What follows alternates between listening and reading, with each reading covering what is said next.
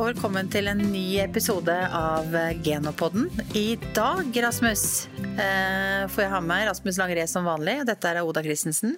Ja da, jeg er med, vet du. Ja, I dag har vi kjørt eh, bil, begge to. Det har vi. Ja, Og vi har farta opp eh, forbi Snertingdalen. Vet ikke om vi er i Snertingdalen nå, ja. Må jeg se på Nå er det ikke Vardal. Nå er det ikke Vardal. Nå er vi i Vardal, Ja. Med er utsikt til Stange. Med utsikt til Stange. er vi på riktig eller feil side av Mjøsa? Ja, Hva skal vi snakke om eh, noe helt annet? Vi er eh, hos en Harald eh, Børstad. Og vi har med oss eh, en annen gjest også, som er Hans Storlien, som er leder for Marked Norge i Geno. Eh, Men vi, snakker, vi starter med deg, Harald. Vil du fortelle litt om ikke bare hvor vi er, men hvem vi er hos? Ja, nå er det på Alm i, i Vardal, og til Margunn Numedal og meg, som heter Harald Børstad. Eh, og vi, vi driver en melke- og ammekubbesetning her, og har ja, kvote på 330 tonn. Og har vel egentlig en interesse for avl som er noe over snittet, iallfall. Og har en statuett stående i naborommet her. Det har vi òg. Og I tillegg så har denne gården hatt en forhistorie som i NRF avlssystemet. Du må så vidt nevne det. Det er riktig. Eh, i, eh, hvis vi går tilbake at før eh, testingsstasjonen på Øyer ble etablert, da er vi vel på 60-tallet, eh, så var vel denne gården sammen med en gard på andre sida drev fôringsforsøk på, på NRF-ukser for å registrere tilvekst eh, som en forløper til testingsstasjonen. Og så har vi en Hans Storlien. Han regner jeg med at det er flere som kjenner både ansikt og stemme til. Eh, og nå når du er med Genopod nå, så blir du gjenkjent på gata når som helst. Jeg bare sier det. Eh, det skjer både Rasmus og jeg eh, aldri, men kan jo hende at det skjer en Hans. Hans, vil du fortelle litt om deg og hva du gjør i Geno? Ja, det kan du gjøre. Jeg sitter som leder for Marked Norge, som du sa innledningsvis. Og eh, vi jobber jo da med markedet i Norge, hovedsakelig. Og at eh, vi har inseminering 365 dager i året, alle plasser. Det er liksom det som er mandatet i vår, vår avdeling. Eh, Så det er veldig spennende. Og så er jeg heldig som kan få lov å jobbe med avl, og formidle avl og okser, og som der ligger mitt hjerte nært.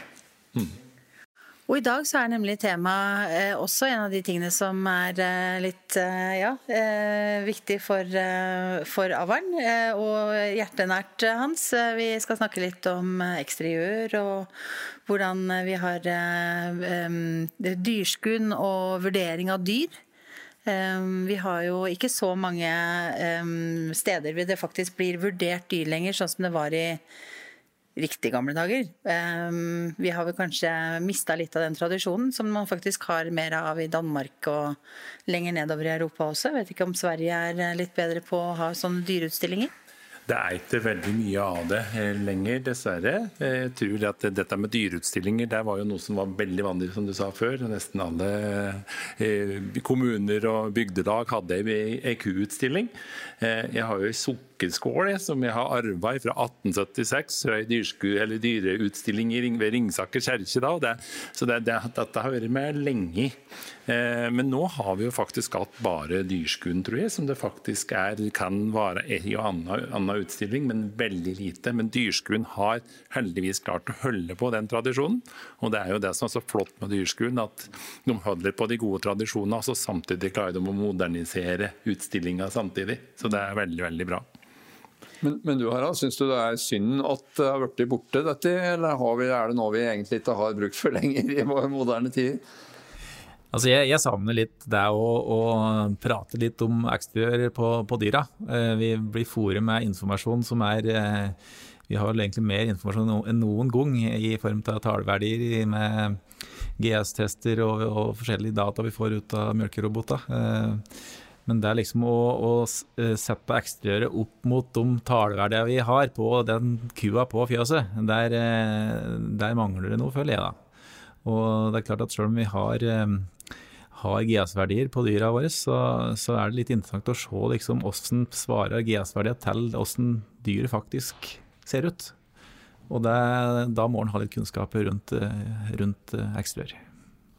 Du Hans, mener fortsatt at det har, det har, fortsatt sin plass å gå og vurdere og ja, studere altså, den enkelte kua før du setter opp avlsplan? Helt, helt eh, klart det at en tar en runde og går over eksteriør i forbindelse med avlsplanlegging og sånn, det er kjempeviktig. Eh, og Jeg tror jeg er helt enig med Harald. Jeg tror det er veldig viktig at en har fokus på dyret. Det skaper engasjement og entusiasme rundt det en driver med. Jeg ser jo det at det å få noen andre til å se på dyra sine, det er for det ofte går i den innbillingen at en har ikke ikke noe særlig som er så veldig bra, men når andre kommer og ser, så er det ikke så verst allikevel. Og den, det å få bekrefta det, det tror jeg er faktisk veldig viktig for mange. Da. Det har vært gjort et godt arbeid i mange fjøs i mange år. Mm. Det er jo helt spesielt å være på Dyrskuen og se de fine dyra som også blir vist fram. Nå var vel du en av konferansierene under uh, sjølve uh, konkurransen i år, var det ikke Hans? Jo, det stemmer, og det var moro. Jeg ser det, og det er litt artig. Der er det liksom litt ordentlig det å stille dyr, om klær seg pent, og det er liksom en fin, ja rett og slett en fint bilde av uh, flott ku samtidig, da. Det er bra. Mm. Og der hadde vi jo faktisk en utegående reporter vi hadde med oss eh, Vi har eh, Turi eh, Nordengen som tok en liten prat med, med den vinneren av årets NRF-ku, som da også vant årets dyrskuepris, faktisk. Så vi skal høre litt om hva Marta Johanne Gjersjø Eriksen sier om, om kua som faktisk vant dobbelt opp på årets dyrsku.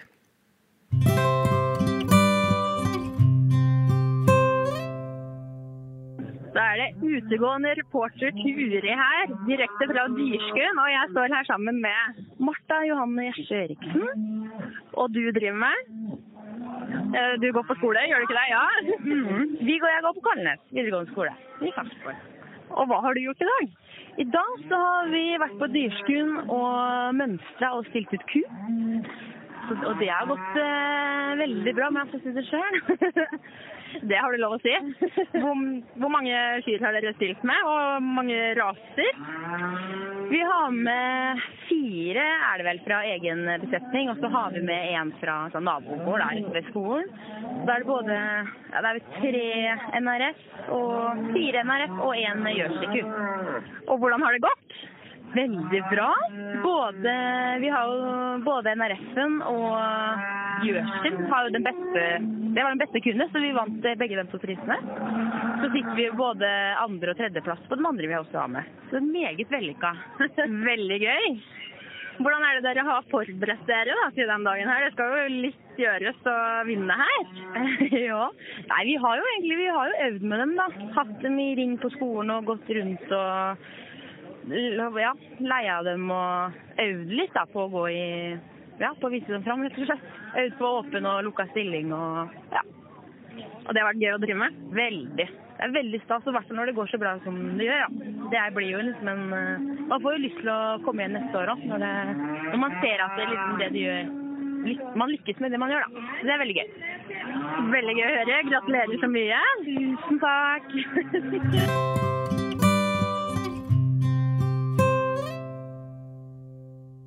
Men Harald, når du eh, planlegger avlen, eh, setter opp avlsplan her på fjøset, hva er det du legger vekt på da når det gjelder eksteriøret? Hvilken type ku er du egentlig ute etter å lage til? Altså jeg, når jeg har en, en, besetning som jeg prøver å, å, å, eh, avle videre på, så det første jeg på en måte prøver å, å finne ut, er hva som er stjernen på laget mitt.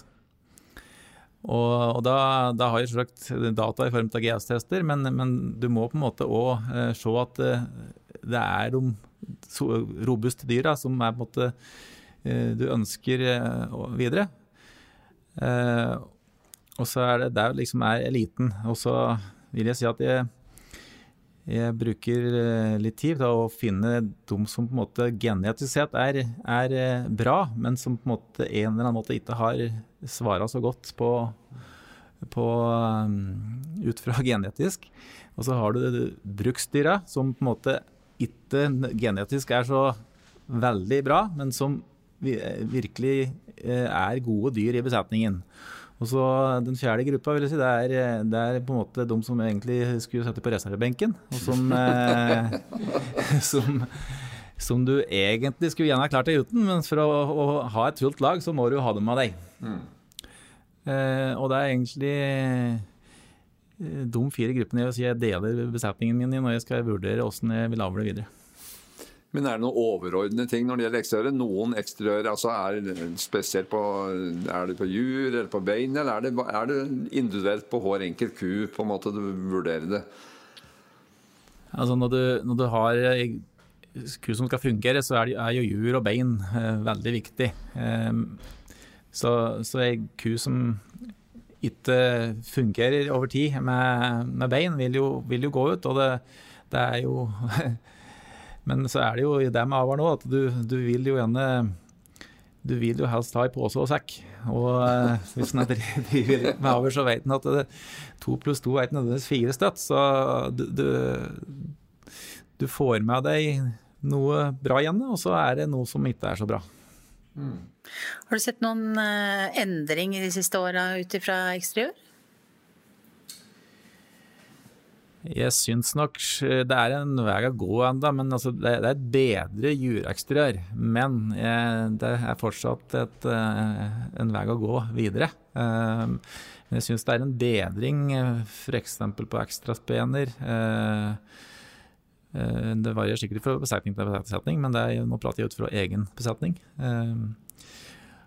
Så er jeg i egen besetning iallfall, så syns jeg egentlig beina er et mer utfordring enn det var for noen år siden. Uh, men hvis du tar litt andre egenskaper, så er jo lynne f.eks. veldig mye bedre enn det, hvis du går noen år tilbake, slik jeg føler det.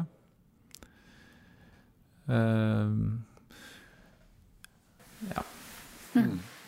Ja, Hans, du kan jo kommentere litt i forhold til sånn generelt eksteriørets plass i avlsplanlegginga. Mm.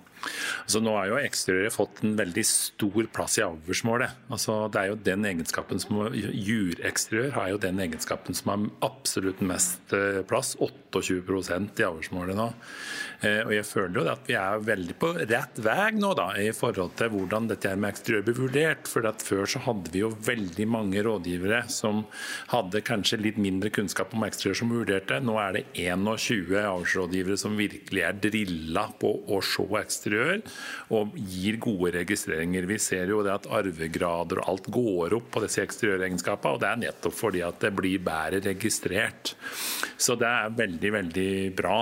Eh, og vi ser litt sånn, Du nevner jo bein, og bein og klauver henger jo sammen. og Det at vi nå etter hvert har begynt å ta i bruk klaudata fra klauvskjærere, som faktisk ser hvordan klauven ser ut, får inn mye bra med data der, det vil være veldig styrke for avlsarbeidet på klauv og bein da, framover. Så det, vi har veldig tro på, selv om Harald ikke er helt fornøyd ennå, så, så, har vi tro på det at dette skal gå veldig bra framover med gode registreringer. og i hvert fall spesielt på jul, med den vektlegginga vi har nå, så, så, er det nesten umulig at det ikke går. For eh, vi har veldig mange okser som er gode på det nå. Men, men hvorfor noen ting, hvorfor noen delindekser på jur er det som du syns at uh, det svikter mest på? Jeg syns det, det, er for mange som slipper juret uh, for fort fortsatt. Mm. Du uh, Ja, du får spedplassering som er uheldig i forhold til roboten f.eks. etter hvert. Og jeg har ikke hatt noe problem med noen som ikke har blitt mjølke eh, på roboten så langt, men nå er jeg ganske fersk i robotfaget. så jeg har bare hatt robot i snøtt to år, så, eh, men det vil jeg sikkert få. Men, eh, men det, er, det er noen utfordringer med en mjølkerobot i forhold til spedplassering. Men det med at du har fått mjølkerobot, gjør det at du vektlegger jury enda mer enn, en før, tror du? Det gjør jeg nok, ja. For det, det er veldig mye ekstra arbeid, har jeg skjønt. Selv om jeg ikke har erfart det ennå. Og jeg har kuer som ikke fungerer robot pga. det. Mm.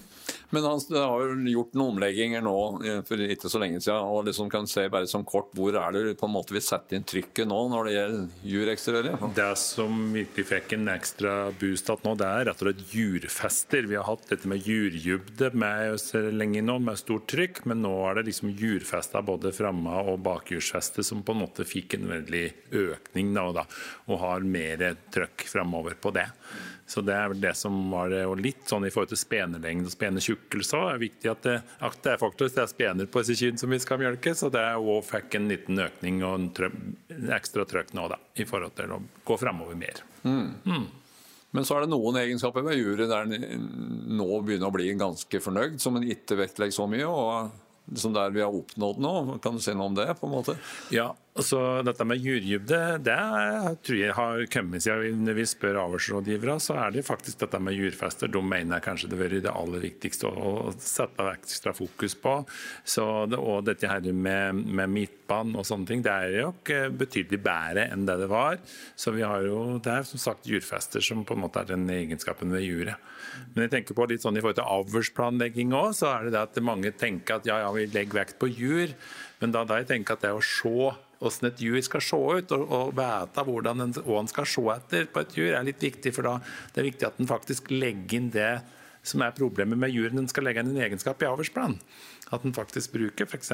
hvis jurfestet framme er veldig dårlig, da, så er det det en legger inn, og ikke bare generelt jur. For da får en liksom mer trøkk på det som en ønsker. Ja, Så en må gå inn i, en må gå ned i delindekser og se på dem, og ikke bare ta på en måte avlsverdien på jur?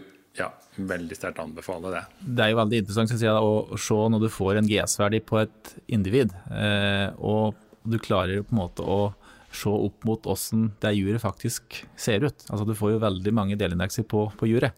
Og vurdere og, og, eh, sjøl kan du si hvordan stemmer eh, indeksa, GS-indeksa overens med hvordan denne kua faktisk ser ut. Og, og Hvordan syns du det virker på den gjennomgående? Eh, jo, det er, ofte så stemmer det ganske bra. Men, men du, du, har jo òg eksempler på det ikke gjør det.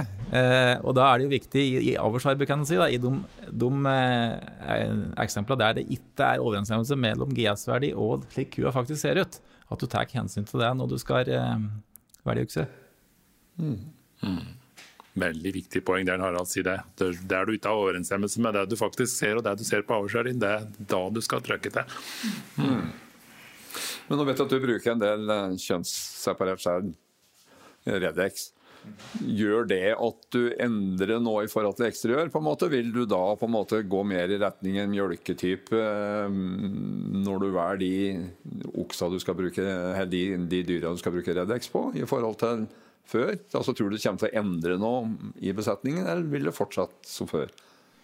Jeg vil egentlig Det er de jeg den fire gruppene jeg pratet på i stad, den gruppa som på en måte både genetisk sett og rent bruksmessig er de beste dyra. Eh, det er dem jeg prioriterer den Redexen på. Eh, og jeg vet ikke om jeg har endret noe særlig utover det, kan du si. Eh, jeg har vel litt av dem som har brukt mest Redex, jeg, men jeg har brukt noe. Mm. Men er det ditt inntrykk Hans, at det med bruk av kjønnsetablert, om det vil endre noe i forhold til og målet for, for eksteriøret, hva slags type ku de enkelte ønsker? Det kan nok være det, med, i forhold til det som du sier, at en går mer i en retning av mjølketype. eh, For at en bruser inn kjøtt på de dårligste dyra, de som du sa satt på reservebenken. Eh, men jeg tror òg at det, det, at du bruker Redex og rekrutterer etter de beste dyra hele tida, det vil gjøre en veldig boost for avlsavgangen i din egen besetning. For da har du hele tida rekrutteringa etter de beste, og slipper å rekruttere kvikkelver etter de du har på reservebenken. For de er kanskje dyr du egentlig, egentlig helst ikke vil ha. Og det, er det, det er den store gevinsten rett og slett da, mm. i bruk av Redex eller kjønnsseparert skjedd. Mm. Mm.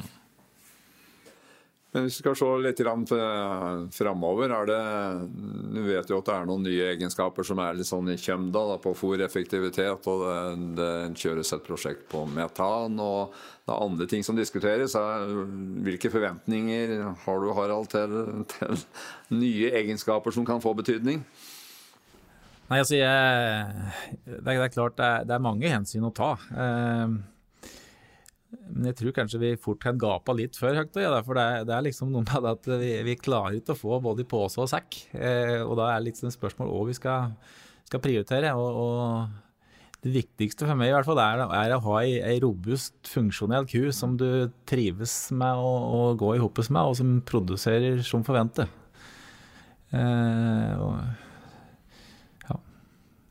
ja, Hans, hva tror du om Nei, det, det, det ønsket hos Harald tror jeg er ganske gjengs over, i hvert fall når vi prater om den norske mjølkeprodusenten, så er det jo det en ønsker seg. Så det er jo det som bør være helt klart et mål. Men det er klart at fòreffektivitet og, og diskusjon om størrelse på kua og sånn, der kommer helt sikkert. Ja, for det med, størrelse, det med, størrelse er det noe som blir pratet på, det kan vi jo være litt innom på en måte. Hva, mener du Hans? Er, har, er NRF-kua er passelig stor nå? Ja. Altså Nå er det jo litt signaler om at det i hvert fall er stor nok. da. Eh, og at den kanskje ikke legger noe fokus på å ha enda større ku, fordi at det der vil gå utover fôreffektiviteten. Og vi ser jo det er litt nå i forhold til de foreløpige tallene og de sakene vi ser på, så ser en jo det at de store dyra de er ikke så fôreffektive som de litt mindre dyra. Så, og det er et signal vi òg får internasjonalt, at, er, at de ønsker ikke at NRF-kua skal bli for stor. Hva syns du om det, Harald? Sånn størrelsen på en måte på de, sånn du har dem på ditt her på fjøset? Hvis du ser over tid i mitt fjøs, så har jeg vel egentlig gått litt ned i størrelse i forhold til det var for noen år siden. Uh, har det vært bevisst på Litt bevisst har det vært, men eh, det har nok vært òg tilfeldighet i bildet. For jeg, hvis du går kanskje 10-15 år tilbake, så hadde ikke gjennomsnittskua vært større her enn, enn i dag. Men eh, jeg er på en måte litt der at den, jeg syns noen her er, i min besetning er i minste laget. Så jeg er litt i andre mm. retning på at jeg ønsker kanskje snittet litt høyere enn det jeg har i dag. Det er vel det som er utfordringen, at alle vil ha ei sånn passe stor ku. Ja, så er det, er det det også å drive med genetisk variasjon. Da får du liksom litt i begge ender. En annen ting som også blir alltid diskutert, er jo det med, med avdråtten. Noen sier at nå er det jo det er mer enn nok mjølk, så vi behøver ikke mjølke på det. Mens andre sier jo at avdrått vil alltid være økonomisk eh, verdifullt. Og vi kan ikke, og litt ut ifra konkurransen, hvis vi skal eksportere, så må vi òg legge vekt på det. På måte, og Har du noen synspunkter på det, Harald? Jeg tror helt klart at eh, potensialet må ligge der. Og så må du ut fra ditt driftsopplegg eh, bestemme deg hva slags avdråttsnivå du vil ligge på. Så liksom å avle bort avdrått, det er jeg ikke enig i. Vi, vi, vi, må, ha det som en, en viktig, eh, viktig del av avlsmålet. Eh, Sjøl om det er kan si potensialet kan sies å være stort nok, så, så, må du på en måte ha friheten til å, å vurdere hvor hen du vil legge, legge det igjen. Ja, men vi eh, snakker jo litt om eksteriør og det å ha vurderinger av eh, fine kyr. Og i og med at vi også sa det at vi har jo sånn sett ikke veldig mange type eksteriørkonkurranser med ku. Eh, og så hadde vi lyst til å gjøre noe, vi da, vet du Hans? Hadde vi ikke det? Jo, ja. det har vi, vet du. Nei, nå skal vi prøve noe nytt. Ja, Vi syns at ideen vår er ja. Eh, god, vi. Ja, men den var vel egentlig ikke vår. Det var faktisk en eh, produsent som kom med ideen om at ja, kan ikke, ikke prøve Jo, vi kan ikke stjele den. Den, men i hvert fall, vi fikk ideen om å prøve å kjøre ei kuutstilling på nettet, rett og slett. Så vi skal utfordre nå folk til å ta bilde av gode, pene kyr som de ønsker å få bedømt. Og så har vi satt ned en dommer i komiteen nå som skal vurdere de dyra. Og så skal vi presentere dem på nettet nå fram mot jul. Da. Det blir for første det blir en form for adventskalender som skal dreie seg om eksteriør og fin ku. Så det blir, eh, det blir veldig spennende. Og jeg håper at så veldig så mange som mulig blir med på det, for det tror jeg skal bli litt artig. Og det blir noen premier til noen som Ja, det er klart det er premie. Ja. Det, det, vinneren avsløres julekvelden, sjølsagt. Ja, og så er det en veldig veldig kompetent jury. Jeg sitter ikke i den, for å si det sånn. så, men hva ville du tenkt på at eh, folk skulle sett på hvis de skal sende inn uh, forslag til, uh, til uh, vandre, den digitale vandreutstillingen vår? Jeg tenker at det folk må egentlig se på det de sjøl syns er ei pen ku. Rett og slett. Eh, de vet sikkert sånn noenlunde de fleste hva de syns er ei pen ku. Og så er det viktig at de tar eh, bilder av dyret som representerer dyret på en best mulig måte. Så vi kommer til å gi litt sånn føringer, så kommer til å komme ut informasjon om det. Men ta et godt bilde bakantil som ser bakjuret og den delen der. Og så tar han bilder fra sida som ser hele dyret og, og juret fra sida. Det er viktig. Ja, nei, men Det blir jo spennende å følge med på fram, fram, mot jul. Ja, så Her er det bare å sende inn eh, bilder um, og komme med sine fineste dyr uh, til konkurransen. Um, og så må vi si tusen takk for at vi fikk lov til å komme i Jeg vet ikke om det, er, det ser ut som finstua, Harald? Det er spist spisestua. Det er spisestua, ja, ikke sant. Men vi må ikke glemme vår tradisjon om Nei, at eh, nei, det må vi ikke. vår gjest får eh, komme sånn med et på godt tips helt til slutt. Og det, men denne gangen må det jo bli ditt beste tips når det gjelder avl for eksteriør. Altså og avl for et eksteriør som, som har betydning. Eh, Beste tipset er vel egentlig å bruke tid på dyra og vurdere dem. Eh, At du på en måte ikke glemmer deg oppi en travel hverdag. Godt. Veldig Ja, godt tips. Bra tips.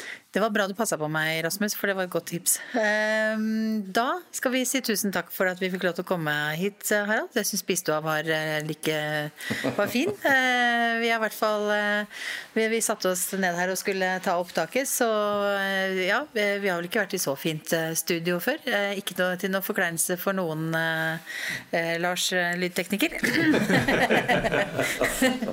men, men vi sier tusen takk for at vi fikk lov til å komme. Eh, tusen takk til deg også, Hans. Alltid veldig bra. Så håper jeg at vi får lov til å ta en prat med deg seinere òg, Harald. Så det var, det var fra eh, litt takk. Og vi skal også si at denne episoden hører du selvfølgelig på alle steder hvor du hører ellers podkast. Du finner den også inne på geno.no. Eh, Vi er tilbake igjen om en måneds tid, vi, eh, Rasmus. Det er vi. Ja, Da skal vi kanskje snakke litt mer kroner og ører, så det er bare å følge med. Bare å følge med. Tusen takk.